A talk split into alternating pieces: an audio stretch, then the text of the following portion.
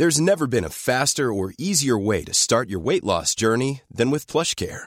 PlushCare accepts most insurance plans and gives you online access to board-certified physicians who can prescribe FDA-approved weight loss medications like Wigovi and Zepbound for those who qualify. Take charge of your health and speak with a board-certified physician about a weight loss plan that's right for you.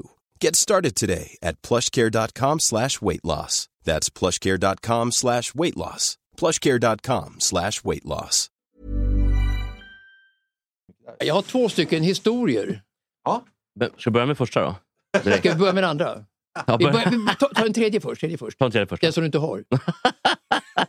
Börja med den andra då, Mats. Nej, det var Hasse Hellbrand som var journalist, eller reporter, tidningsman på, på Borås Tidning. Och när han avled då för många år sedan så hittade de i hans byrålåda gamla, gamla manus till tidningsartiklar då, som hade gått i Borås Tidning.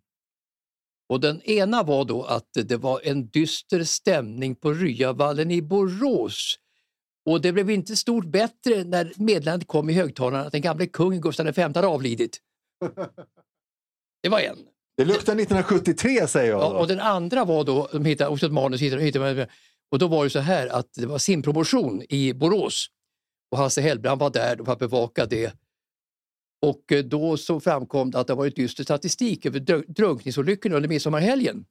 Och Hasse skrev då 25 hade drunknat under helgen, 15 hade varit lagom. ja.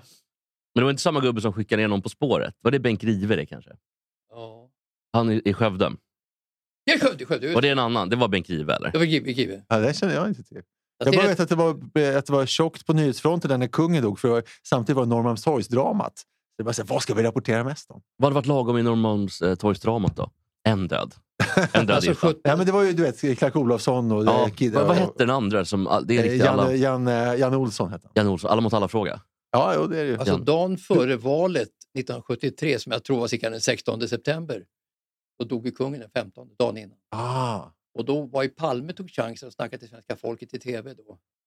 Och de säger i efterhand att Palme gjorde ju maskerad propaganda för sitt parti i valet då när kungen hade dött den 15 på kvällen. Alla Mm. tittade på det. Och det var därför som sossarna satt kvar vid makten. Det var jämviktsriksdagen och lika många mandat på båda sidorna. De hade haft ledningen då fram till kungens död, alltså borgarna då 1973. Men Palme som var lurig då, han tog chansen och snackade då i en halvtimme i tv om valet nästa dag då skulle komma. Och då säger de det att maskerad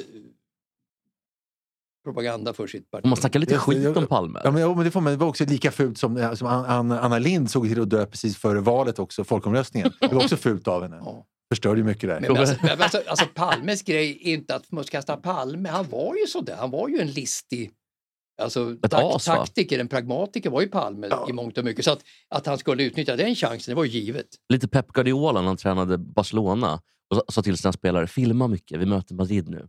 Ha- Har han sagt så? Ja, men man kan tänka sig ändå. Det, var mycket, det var mycket filmningar och de här rusningarna måste varit regisserade. Kommer du ihåg det?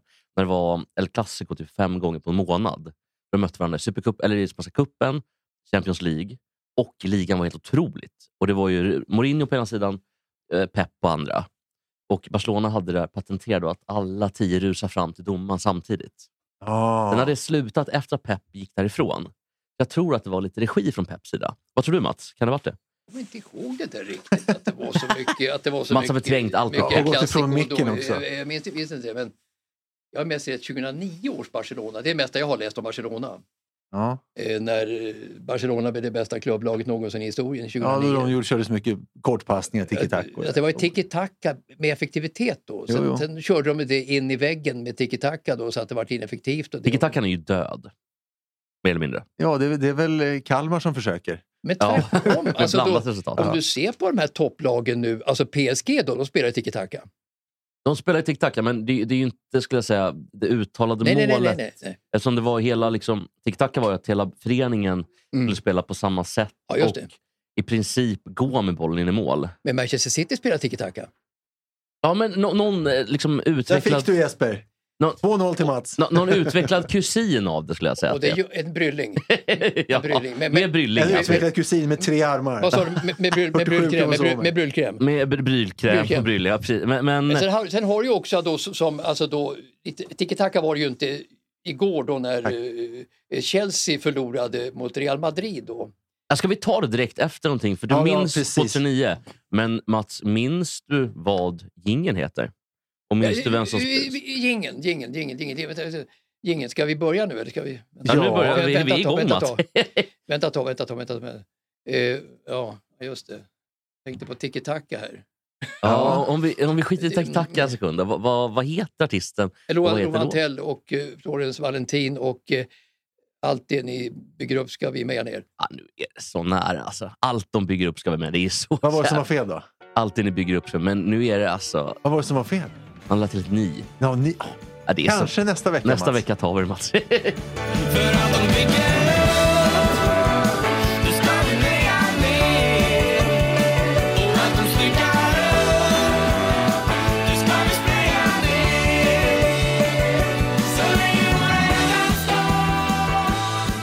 Sådär och välkomna till Gott Snack Sport. Och jag sitter här med mina vapendragare Olle Palmlöf. Är det inte gott sportsnack? Nej, Gott Snack Sport. Gott snack sport. Ja. shit, ungefär som folk brukar säga eh, Sportradion och så är, heter Radiosporten. Det, Ja, det, det är eller- samma... Eller Spegelsporten och så heter det Sportspegeln. Ja, ja, fast det är nog inte lika vanligt. Kanske ingen som har sagt Det är det. väldigt ovanligt, det är väldigt ovanligt att de säger det. Mats, blir Det folk på Radiosporten upprörda när, man, när människor säger eh, Sportradion? Vissa dogmatiker blir det kan jag säga, eh, det blir de. Men alltså sportradion ligger tydligen närmare i munnen för vanliga människor än vad radiosporten gör. Finns det något värre än dogmatiker? Nej. Jag tycker om semantiker, som man fattar vad man menar. Det, det är väl det bästa Mm. egentligen. Men hur mår du, eh, Olle? Jag mår bra, lite eh, axelskador, har lite säkert så kallad kalkaxel. Och det, så jag kör squash mycket, det funkar. Men sen, sen kör jag badminton och det, det funkar inte för då är det liksom axeln där uppe hela tiden. Så att, eh, ja, det är lite illa, men det är okej ändå. Det är okej ändå. Hur mår Mats? Jag mår lite, i, lite illa idag. Jag, jag, jag höll på Chelsea igår. Jag tycker så illa om Real Madrid. Så att, eh, men så gjorde ju Berätta, vad är, vad är det Benzema är... gjorde en nytt hattrick igår och jag tyckte inte om det. Och, eh, Du tyckte inte om hans hattrick? Det var, nej, men jag tyckte inte om att han gjorde, att han gjorde tre mål igen som mot PSG Nej. senast. Men, men, men eh, så framåtlutade som Chelsea var, så offensiva som Chelsea var och ändå åka på så mycket stryk som de gjorde. Alltså 1-3 hemma, det är ju bedrövligt. Vad är, det- vad är det du ogillar med Real Madrid? Ja, jag undrar också lite. Ja, Alltså, de, det är ett cyniskt lag. I La Liga går de på 80, 70, 80 procent jämt. Ett divalag, det största divalaget av alla tycker jag. Eh, och eh, de, tänd, de tände till i, i, mot eh, Chelsea, naturligtvis i Champions League självklart. Men Chelsea var ju naiva då och skapade väldigt lite men ville så väl och var så framåtlutade. Det Så låter jag, som, är som Chelsea som Stefan Löfven, naiv men vill väl. ja, Fotbollslagens naiv, alla, naiv i alla fall, naiv i alla fall och kanske vill de väl också. Men det, Och inte alltså- supersmarta. Inte så, men, men försvarsspelet i, i, Charles, i Chelsea var jättedåligt. Alltså, de släppte ju till målchanser på varje anfall som De har ju inte så bra försvar, ska sägas. De jag har, de har inte det. Eh, Så, så att jag led med Chelsea igår faktiskt, det gjorde jag. Men Eh, vad, ty, tycker du inte att Real Madrid och Benzema var fantastiska då? Jo, men jag tycker inte om att de går på halv maskin i så många matcher som de gör, som de liksom vilar sig igenom. Jag tycker man ska ge järnet mer. Om Ja, man är men måste de inte det för att spara sig till de stora matcherna? Är inte det smart? är, är du professionell fotbollsspelare då ska du ge järnet, tycker jag. Alltså, då får de ha en bred bänk i så fall. Men de leder, leder ju ligan så med typ nio poäng. Så Ja, de någonting har de väl... De gör det. Men jag, de jag, kanske, jag tänker mer historiskt, alltså Real Madrid har ju också Champions League gått på 60 procent många gånger mot Ajax häromåret till exempel och det tycker jag är urusel inställning. Attityden är dålig tycker jag i fotboll att göra så, som de ofta gör. Ja, men det, det, är, 1-0 till Mats mot dig och 1-0 till Mats mot mig. det är hårda ord. vi kan... Det, det är väldigt mycket 1-0 på ren sån här... ehm, den som gapar högst maner. men det tycker jag är kul Mats, att du sticker ut hakan och tänder grejer. Jag har inga känslor kring Madrid alls faktiskt. Men jag tycker det är kul att Benzema är så otroligt bra. Det är få spelare som har den kvaliteten. Och Jag pratade faktiskt med en lyssnare som skrev in eh, och tyckte det att Benzema, är han bäst? frågade han. Ja, sa jag, det kanske han är. Nej, sa han då. Nej, sa jag. Okej, men, men eh, nej, okej. Då sa han, det för speedens skull. Att han är inte någon speed. Nej. Så har vi Lewandowski. Och de är ju ändå ansedda kanske de bästa eh, ja, men i alla fall forwardsarna kanske spelarna i världen. Ja, Mbappé, Men jag tycker- Mbappé kanske och även då Salah tycker jag håller samma nivå som Benzema. Benzema han är otrolig på att stå rätt när han nickar i straffområdet. Det är fantastiskt. Alltså, han gör ju också ett jobb ute på planen som Lewandowski absolut inte gör. Men. Lewandowski håller inte riktigt som världsetta tycker jag genom att han är bara straffområdesspelare egentligen. Men, Mm. men, men Mbappé den största talangen av alla. Han svajar lite alltså då, i, attitydmässigt i många matcher, speciellt i, I de stora matcherna, i, i jag. PSG. Och, men han var ju mot Real Madrid långa stunder i de båda matcherna, fe- fenomenal. Och där vände Real Madrid på ett oförtjänt sätt tycker jag mot, eh, mot, eh, mot PSG faktiskt. Men det var, det var tre mål igen ut, Jag, utav... jag håller inte riktigt med. Jag tycker att Real mot PSG eh, blottar PSGs svagheter. Man, man är framtunga, lite som Chelsea. Mm. Man bygger inte bakifrån, man bygger framifrån. Det. Det är någonting Real har gjort, tycker jag, eller gör bra i nio säsonger av tio. Man Ja, bygger bakifrån. Ja, Och där är Benzema, som du säger, så viktig också i det defensiva spelet, i pressspelet. Mm. Och jag håller helt med om att Lewandowski inte är en presspelare alls. Men, men, men, men sen är det väl så också att eh, lag som inte bygger ordentligt utan är dysfunktionella som Chelsea var igår och som eh, PSG var mot Real Madrid, att de, är, de har det, det är ingen harmonisk uppbyggnad utav laget. Nej. Och försvarsspelet då, det får man betala jättehögt för. Eh, Det, det är ställt utom allt tvivel och där är ju Real Madrid bättre än både, än både PSG och Chelsea, försvarsmässigt. Om vi Alltså, pratar straffområdesspelare så har vi då, som ni sa, Lewandowski. Han bara eh, utpräglad i straffområdet. Vilka har vi som konkurrerar historiskt? Är det eh, Inzaghi, eh, Gerd Kim, Müller Kim såklart. Bergstrand, Gert Müller? Är de fyra? Framförallt Kim Bergstrand skulle jag säga. Men Gert Müller var så extrem straffområdesspelare. Äh, Men han Ja. gjorde ju inte mycket, stod och väntade straffområdet, men han var, hade, han var mycket snabbare än vad många trodde. Han var lite fyrkantig, Gert Müller, men han var mycket, mycket snabbare än vad man kunde föreställa sig. Ja, men jag, måste, jag vill bara slutföra innan vi, för det tycker jag är en intressant diskussion, eh, är bara att det här med speed, det är ju det som är mest genetiskt. Det är det som är svårast att träna upp. Teknik kan du träna upp i regel, om du inte har en helt vansinnig motorik och så vidare. Men snabbhet är ju svårt. Alltså, för att, antingen är du snabb eller så är du inte snabb. Ja, men det i sitter i regel. muskelfibrerna. Precis, Och om man ska gör- prata, ska vi komma in på genetik, där Ja. tycker folk är jättebra och det klipps alltid bort. Ja. Men om man tar, om man tar Västafrika, eh, korta fibrer, snabba på sprint. Östafrika, är det någon slump att de är bra på långdistans? Jag menar, det finns ju en korrelation Nej, men här. då, var det inte klassiskt att de springer till skolan så, så mycket? Jo, men det har ju med, fi, det har ju med fiberuppbyggnad att göra. Det, Ja, det kan ju inte det- slump. Men, men, men du har John Guidetti också. Jag menar, John Guidetti har ju misslyckats med sin proffskarriär, det måste, det måste man ju säga. Ja. Han, han, han saknar snabbheten. Hade han varit snabb, det såg man i BP redan när han lånades ut ifrån England till BP, att han håller inte måttet i förflyttandet av fötterna alls. Han är för osnabb i straffområdet och därför har han då ja, tyvärr misslyckats. Och därför tycker jag att Benzema och Lewandowski är så otroligt bra. Eftersom ingen av dem är speciellt snabb. Alltså om man jämför med Salah kanske, eller någon annan som, fort, som är där uppe också. Eh, men just därför så är de så fantastiska fotbollsspelare, för att de måste kompensera. Men Lewandowski är ju snabb. Alltså, han hade ju inte varit någonting utan snabba fötter. Alltså, han greppar Alltså ju... alla fotbollsspelare, det, vi, vi pratar ju relativt tänker jag också. Mm. Det, det är inte jag som springer och spelar fotboll, liksom, utan det är ändå eh, professionella fotbollsspelare. Men Mm. Salah är ju snabbare än vad Lewandowski är med fötterna. Men det är väl skillnad på att vara snabb på eh, alltså en yta på fem meter och snabb på 100 meter. Det måste vara... Men Salah är väl, alltså, om vi ska prata lite Salah, är ju fantastisk eh, med sina kvicka vändningar, framförallt åt vänster. Kanske lite lättläst ibland. Lite som Robben faktiskt. Ja, precis. Han vill ju alltid åt vänsterfoten från Mm. höger. Det, det är lite Ja, patenterat. det vill alltid Robin. Ja, och det vill alltid Salah också. Ja, men- är lite bredare. Men Salah är väl något av ett fotbollsgeni. Alltså, han ser ju luckor, han ser möjligheter på planen så att han kanske inte behöver förflytta sig så fruktansvärt snabbt som många andra. Alltså, han ser möjligheterna hela tiden att ta sig förbi en back eller komma mellan två backar. Och det. Så att Salah är extremt begåvad. Om vi backar till Robin, det är inte också Patrik Wålemark som försöker köra som Robin hela tiden? Jo, Komma in från, det är samma. från han gillar det också. Ja. Men många vänsterfotade är ju extremt vänsterfotade också. Det är ju en sån sanning. Men det är klart, om 10 är vänsterfotade, 90 är högerfotade, det är ju lite större hitrate på att högerfotarna ska få en bättre vänsterfot än tvärtom. Såklart. Men i alla fall, eh, Real Madrid slog ut, eller har inte slagit ut än, men kommer slå ut Chelsea. Sannolikt. Ja, Liverpool hade en ganska behaglig resa nere i Lissabon. Mm. Man mötte Benfica. Eh, återigen, stora delar, eller i alla fall, jag såg ju matchen 75 minuter någonting. Eh, man är liksom inte... Varför sket du en kvart? Eh, jag undrar om jag inte var och sket då faktiskt. Jag kommer faktiskt inte ihåg vad det var. Eh, Jag tror att jag kom hem lite efter en kvart. Men man, ehm, man, har, man är liksom inte, man är inte utspelade. Man låter lagen komma upp och spela fram till sista tredjedelen. Mm. Och sen har man, tycker jag, Liverpool idag ett ganska ramstarkt försvar. Har blivit så. Ja, alltså, det är ju ett jättebra lag. Med van Dijk i laget, ska Eh, sägas. Jag jag såg också matcherna på, på tisdagen där och eh, det är klart, ett sömnpiller var ju Manchester City. Det var en urusel match.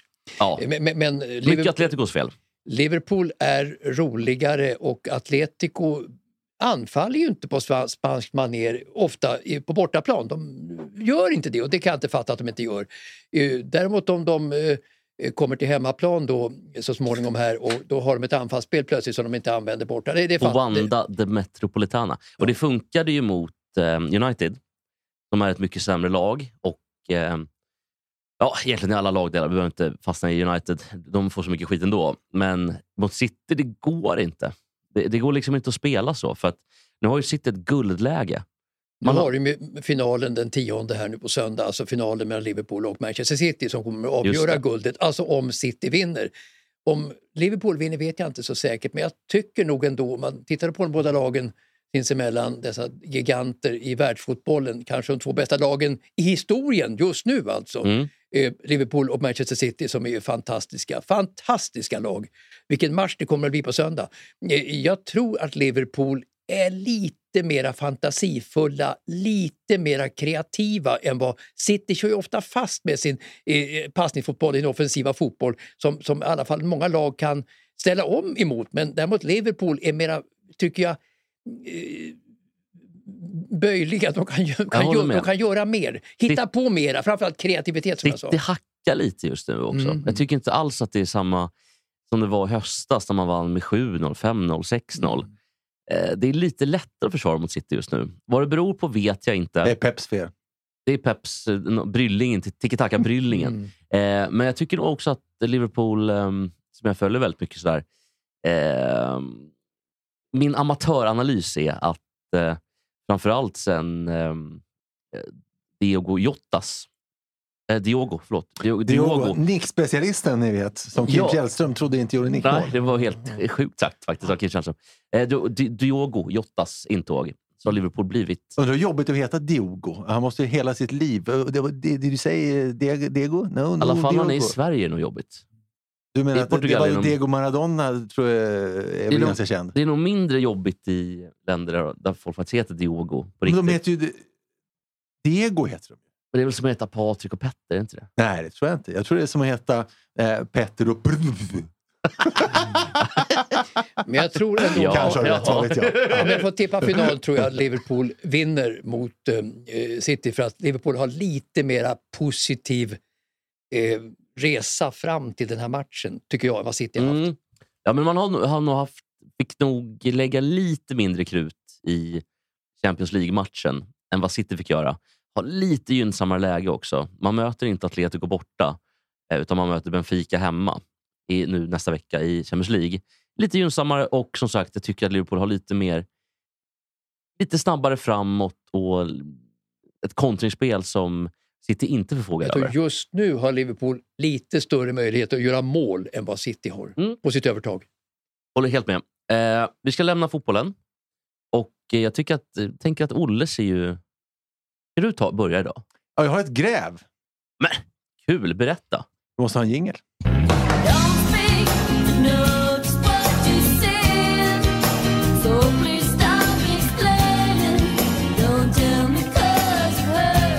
Ja, det är alltså gingen till Olles gräv. Ni kommer förstå varför. Det var No Doubt med Don't Speak. Precis, det är så att eh, Djurgården har ju, eh, torskade ju mot Timrå i raka matcher. Vi har alltså inget, Fyra raka matcher. ja, vi har inget lag i, eh, från Stockholm i SHL nästa år, vilket ju inte har hänt förut. Och vad, vad beror det på, skulle ni säga?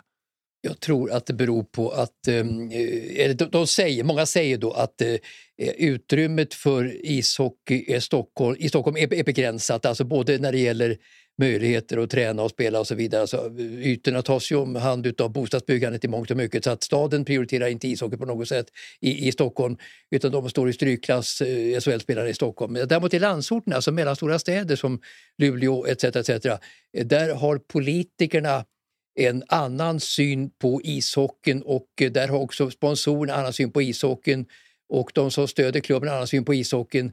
Och där är de då kändisar ute på stan också. Att det är mycket bättre för sponsorföretag att satsa på ishockeyn i Luleå. För att då når de fram till de de vill nå fram till med sitt budskap. Medan däremot i Stockholm som är så otroligt uppsplittrat och diversifierat så att vara sponsor för Djurgården, Stockholms stolthet, ger väldigt lite. I Stockholm tror jag. Ja, ja, säg. Jag, jag tror det finns några anledningar. Det där är en, den största kanske. Eh, ma- man, ehm, det är svårt för en sponsor, eller det är svårt att motivera en sponsor.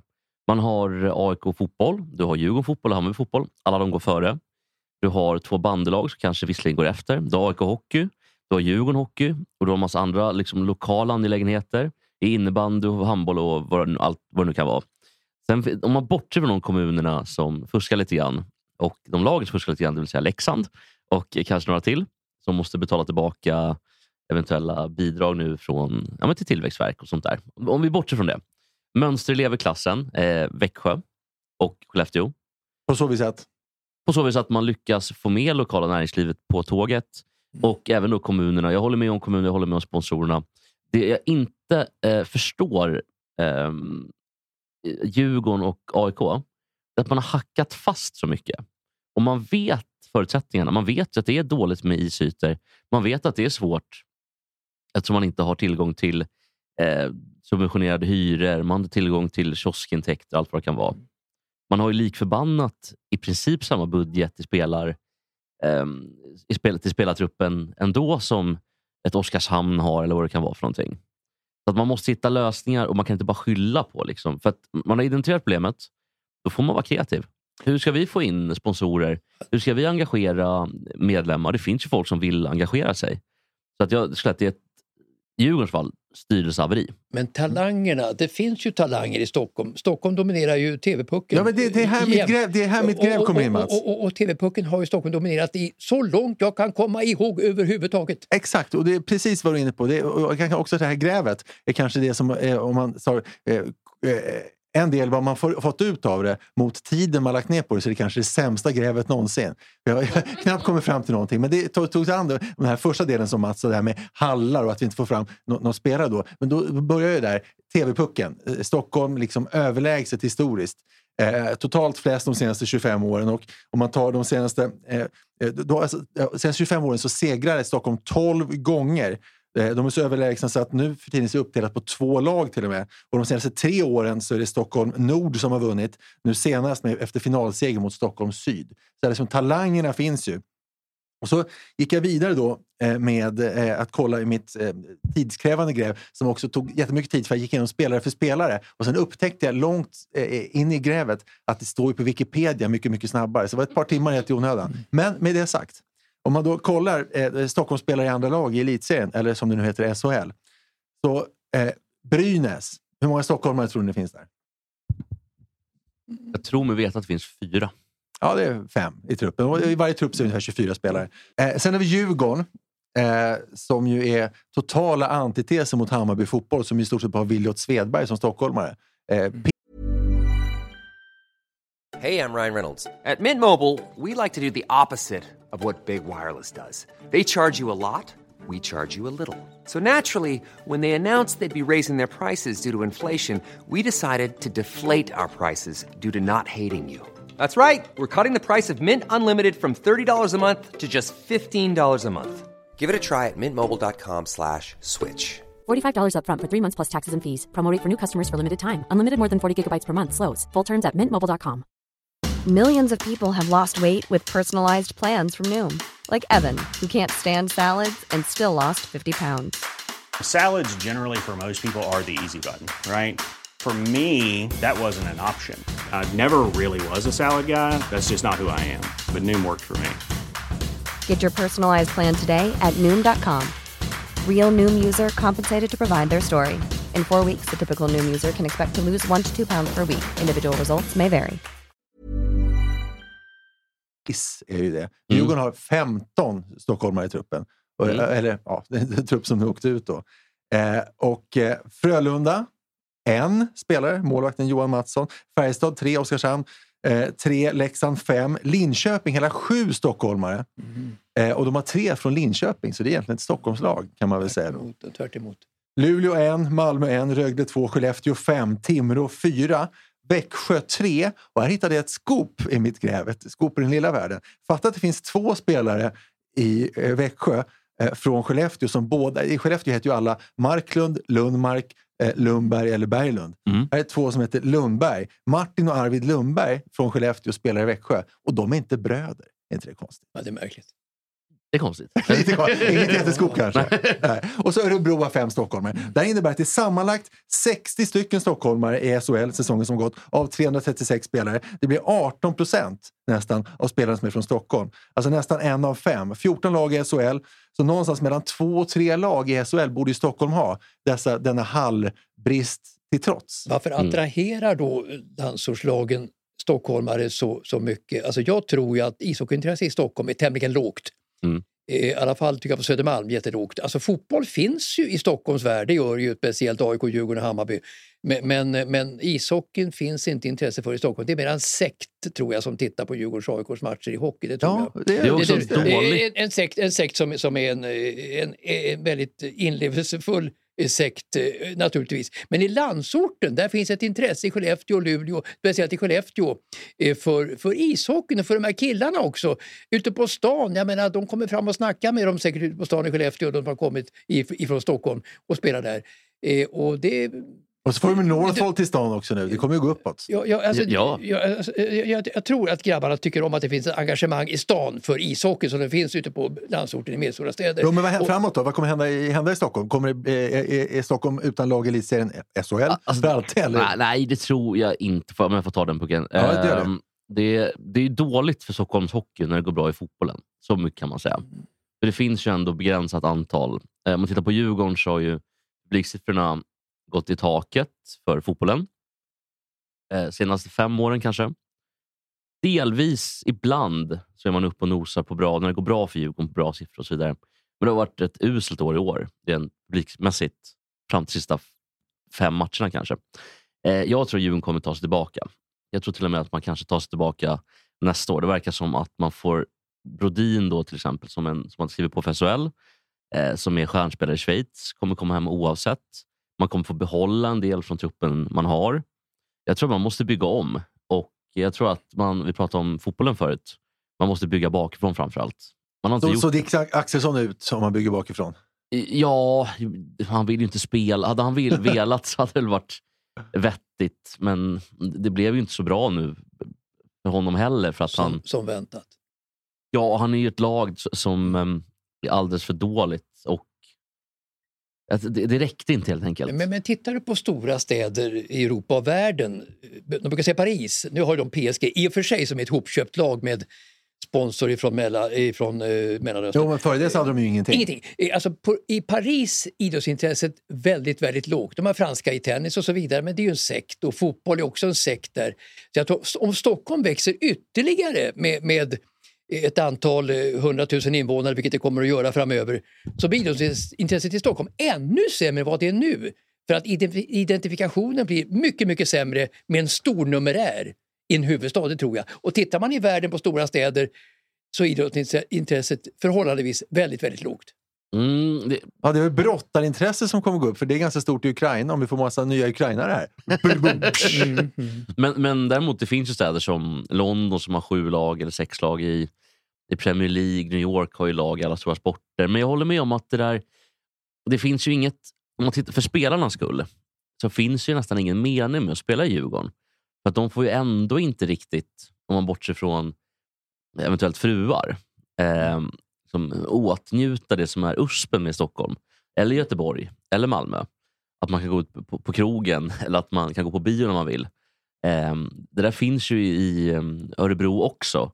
Och det finns ju ingen hockeyspelare som går ut på krogen idag. Det är så, det är så, Nej, det får de inte. det är så professionaliserat och då är det Ja. bättre att ha ungarna eh, i en trygg miljö i Leksand. Eller, och det är ju svinmånga som tycker om att jaga och fiska och sån här skit också.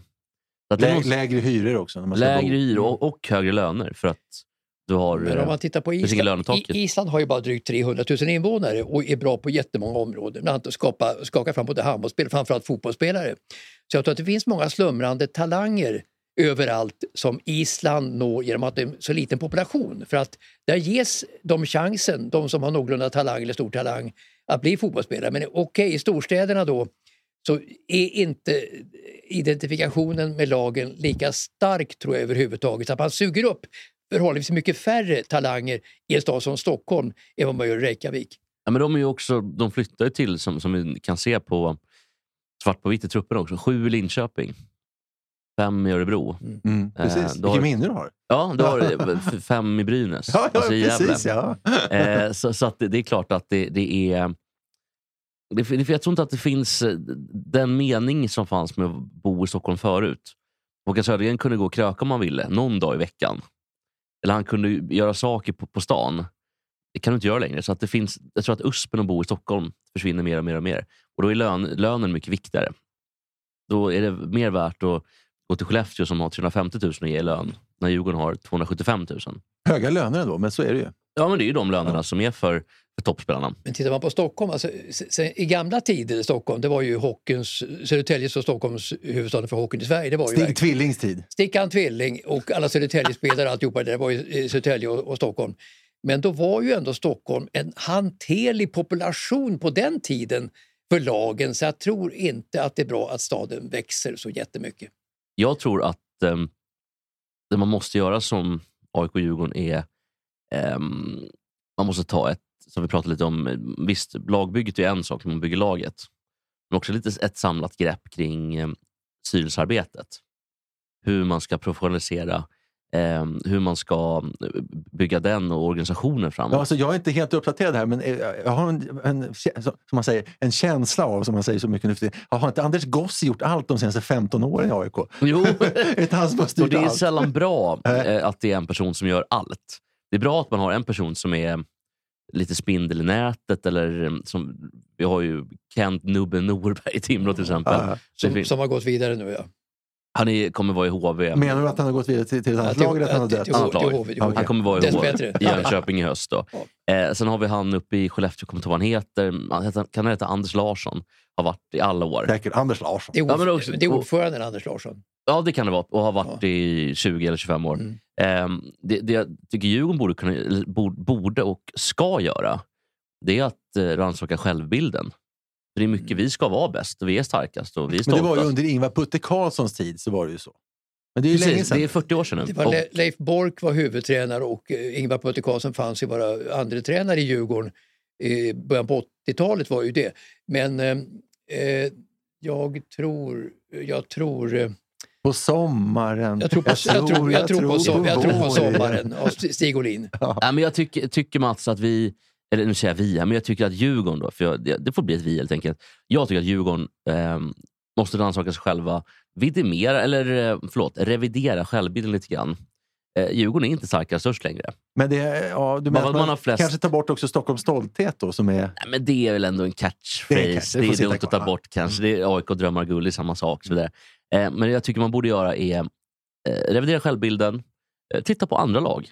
Men alltså, det räcker inte att vara Stockholms järnkam eller att det är järnkaminen, Stockholms stolthet. Men efter 0-4 mot Timrå, att man tar sig för pannan. Det är helt obegripligt hur de kan förlora med 4-0 mot Timrå eh, i en sån viktig match.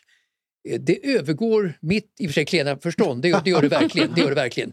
Men jag fattar inte hur det kan hända överhuvudtaget. Det måste vara någonting strul i truppen. Det måste någonting, men det har ju- eh, någonting måste ha hänt. Alltså apropå Timrå, bara komma in med en snabb berättelse från någon, någon vecka sedan. Då sa jag, jag råkade nämna att Mats Näslund hade vunnit, det var den minsta, eh, den enda som inte kom i puberteten som vunnit eh, TV-pucken. Det har varit många reaktioner på det. Det skulle vara så att Medelpad som han spelar för, de nådde final i TV-pucken 74 men vann inte. Då var det sagt, nu känns det bra. Bra, Förlåt. bra att du sa det.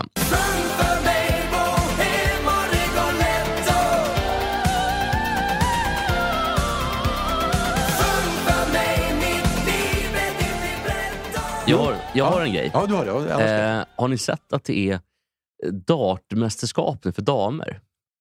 Ja, och herrar tror jag också kommer snart. Men damerna har jag inte sett. Men det stämmer Damerna säkert kör du nu. säger det. Okej. Jag visste inte att det fanns damdart. Nej, inte jag heller. Nej, inte jag heller. Det är också idiot av mig såklart. Men har ni sett damdart? dam, damer som håller på på krogen. Jag vet inte om...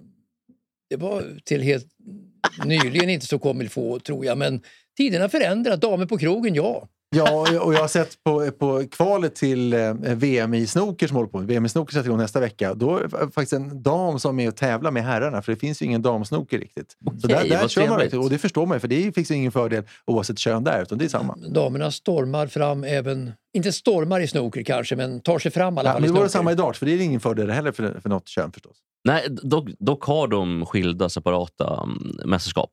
Jo, Eh. ja, okej det har de. Men jag undrar, ni har, inte- har ni har inte sett en ruta av det? Ni har inte sett en ruta av snoken heller? Du har ju uppenbarligen sett lite Jo, snok i alla ja, jag har kollat snooker. Kan du berätta då, hur, hur, hur är kvaliteten? Eh, på snooker i största allmänhet? Nej, på damsnoken. Ja, damsnooker, ja, men den är ju mycket, mycket, mycket, mycket sämre förstås. Men, men jag blev glad att se att det var en, en kvinnlig snookerspelare som försöker kvala in till stora VM. Och hon var duktig. Ja, hon, hon vann sin kvalmatch.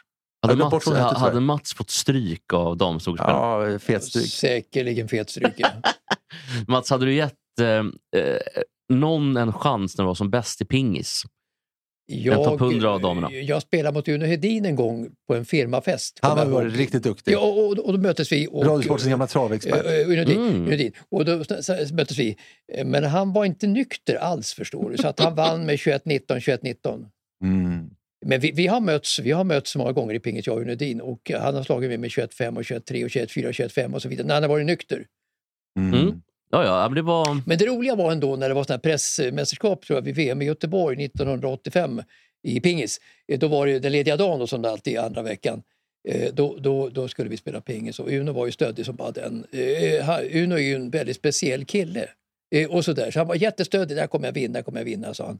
Och han Ja, har väl lite på fötterna för han har väl vunnit, Ja, ja. spelat i alla fall Ja. EM. Old Boys 60, 70, Han har 80 åkt år iväg till, till Belgrad, han har åkt iväg till eh, Hongkong och spelat alltså mästerskap för äldre och gått jättebra där.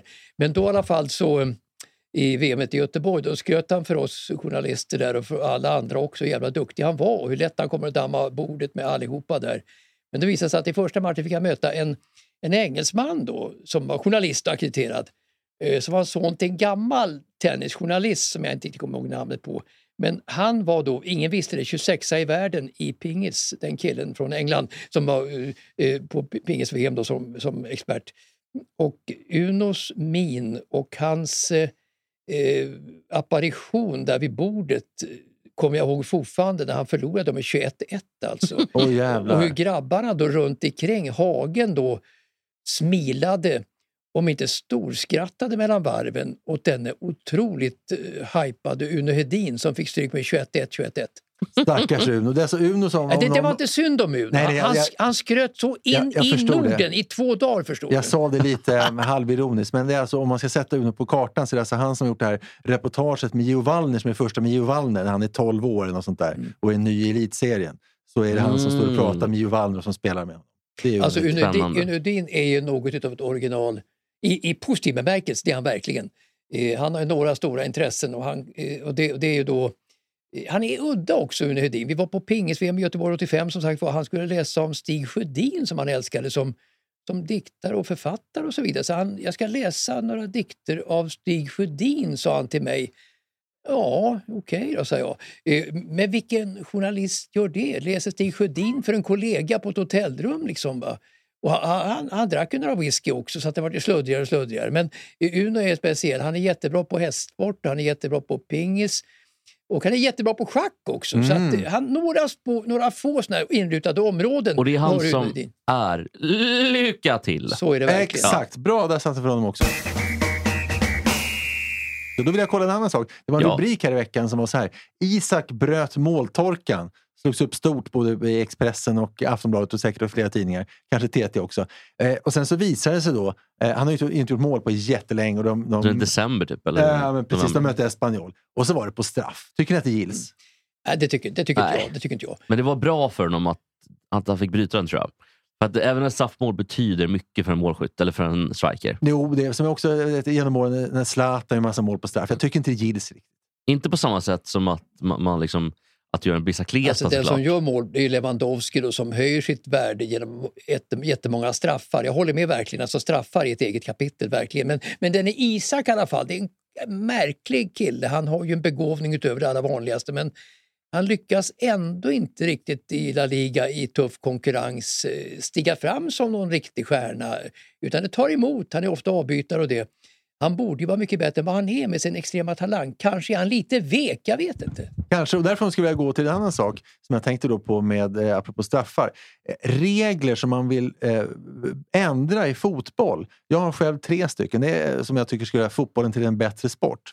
Det ena är att jag tycker straffområdet ska minska så att det blir färre straffar, för det är så jävla stort. Och det blir ofta straffar i, i alltså lägen där det inte är, är målchanser. Jag tycker det förstör mycket. Det är så många matcher som avgörs avgjorts på straffar. tycker jag är skittråkigt. Jag blev fruktansvärt eh, sur på det. Det är en.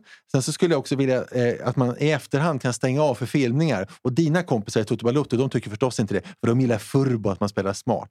Listigt tycker jag inte alls. Det är nummer två. Nummer tre så tycker jag att det, för där finns det en skopa. Nummer tre, tycker jag också att det i förlängning ska vara effektiv tidtagning. Så att man inte kan hålla på att vara furbo i förlängning också och döda en massa tid. Så man, som i hockey, då, att du blåser av de här... Ja, men effektivt. Det är mina tre snabba. Alltså, Alltså, om ni tänk, tänker, jag tror- ändrade regler i fotboll. Ja, Vad den, skulle fotboll till den första har vi diskuterat, vet Ja, jag.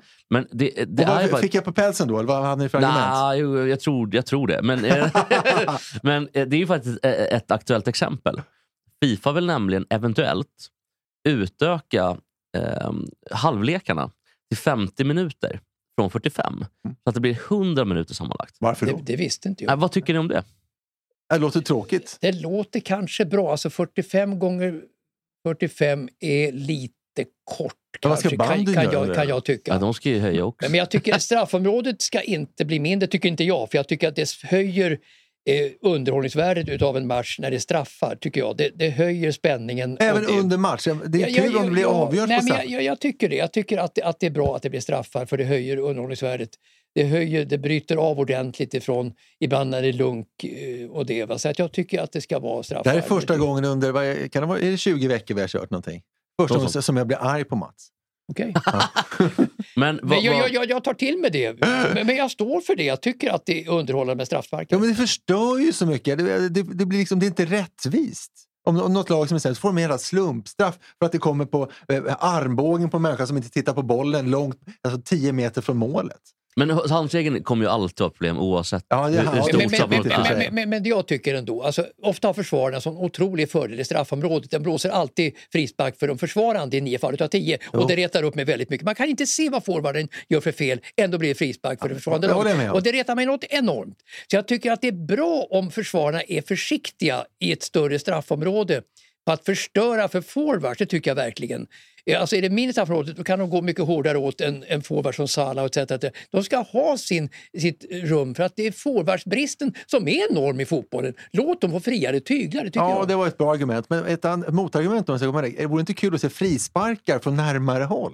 Med en liten, liten mur. Alltså, alltså, i, Så typ, indirekta ja, frisparkar. men, ja, men exakt. Vore inte det roligt? Ja, ofta har Det de... hörs jättemycket. Fri, eh, Men de, de, de, Ja, är så bra nu på att liksom eliminera farorna med frisparkar. De, eh, ja, men de, de, alltså, spelarna är otroliga på att blocka bollar och, det, och, och nicka bort bollar och det. Så att det är allt färre målchanser skapas även på farliga frisparkar nu tycker jag. För de ställer upp sig på ett fenomenalt sätt. Så att allting är fördel för försvararna, vilket jag tycker är fel. Ge forwards fria tyglar. Ja, fast, Okej, då får du avgöra Jesper. Eh, Vem har, eh, eh, inom citationstecken, och rätt eller fel, eh, jag eller Mats, fler eller färre straffar i fotbollen? Eh, jag väljer att eh, passa på det och eh, har eh, lyft upp ett annat problem. Eh, om det är 100 minuter i fotboll och om banden ska ta efter, hur gör de då när det ska vara tre stycken periodpauser som de gör ibland när det är snöfall? Ja. Ska de köra 33, 33, 34 då? Eller hur gör de då? Snacka om att ligga i framkant i frågeställningen. Ja. Alltså, alltså bandyn räcker gott med 2 gånger 45 tycker jag. Ja, det kanske räcker med band överhuvudtaget i det här programmet. Det är väl en ganska tråkig sport? Ja, det är en tråkig sport. Det är det. Det det. Ja, men- det blir inte mycket till VM heller utan Ryssland. nej. Men hur gör vi, precis, hur gör vi då? För Kazakstan kommer inte heller från. Vitryssland är ju hyfsade också. Ja, det- det blir ju Sverige, Finland och kanske Norge. Och Finland är ju på dekis nu också. Finland var ju bra eh, förr i bandy. Det var ju en, bandy, en bandynation Finland.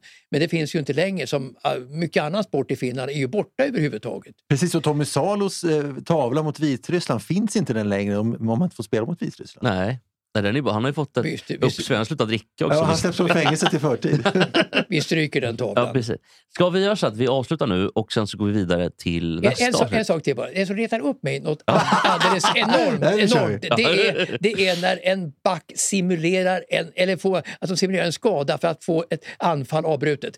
Det retar mig så otroligt mycket och det var likadant mellan Chelsea och, eh, och Real Madrid. att eh, eh, Eh, Real Madrid fingerade en huvudskada då, som var svårt att kolla för domaren. Och då blåste de av ett jättefint anfall för Chelsea och jag tycker det är bedrövligt alltså. Vem är värst Lå- där? Låt spelet gå, låt killen ligga där, låt, låt anfallet gå, blås inte av spelet. Ja, Men om det är är det inte bra då, om, så att det inte, om det är någon som ligger en hjärnblödning? Eller, Nej, nej, men det, det händer så otroligt sällan. De är så otroligt bra att, att simulera huvudskador och det. Va? Så jag tycker Arne inte Eriksson att, överlevde ju ändå att, att, att, att, att det här taktiska, Det vore- taktiska stoppandet ska liksom grassera. Återigen, Men där kanske man ska stänga av i efterhand i så fall då? Ge forwards friare tyglar. De ska inte stoppas av sådana här saker som vi sa, det vi sa förut och även nu när, när en back eller eh, mittfältare lägger sig ner och simulerar en skada, vilket ju många eh, lag och länder är jättebra på att göra. Och det förstör så mycket av själva spelets Ja, idé. jag håller med Mats. Nu nu är jag inte arg på Mats längre. För nu är jag glad på Ja, Mats. jag Skönt. Okej, men då gör vi så här tycker jag. Att vi eh, går ut på en liten imitation Mats. Och sen ska vi gå ut på en låt. Vad vill du imitera nu då på det här avsnittet? Eh, eh, ni får säga vad ni tycker om kungen här. Ja, kör kungen. Ett eh, fyrfaldigt leve för prinsessan Victoria som idag fyller... Eh, ja, eh, som idag fyller, fyller år. Eh, hon leve. Ja. Hurra, hurra, hurra. Och Ja. vilken kung var det? Var det Karl bara så att vi... ska, jag göra om det eller? Nej, nej, nej. Nej, det var Karl sextonde. Nej, det var Karl... Jag, Ja, jag jo, jo, hörde ja. det, men jag tänkte... Ja, herregud. Ja, om det det hörde alla. Ska, Ja, jag, jag ska jag göra om det kanske? Nej, det var Nej, jättebra. var det. var kanonbra. Eh, och jag, jag undrar lite också, Mats, eh, vad heter låten vi ska gå ut på? Eh, ja, det, är- det, det, det, jag får ställa om skallen här. Eh, Från ku- Från kungen till en annan. Florence Valentin och Lovantell och Eh, allt eh, det ni bygger upp ska vi med ner. Nu är det så. Alltså det och ni får byta upp till dem. Men sen är vi där.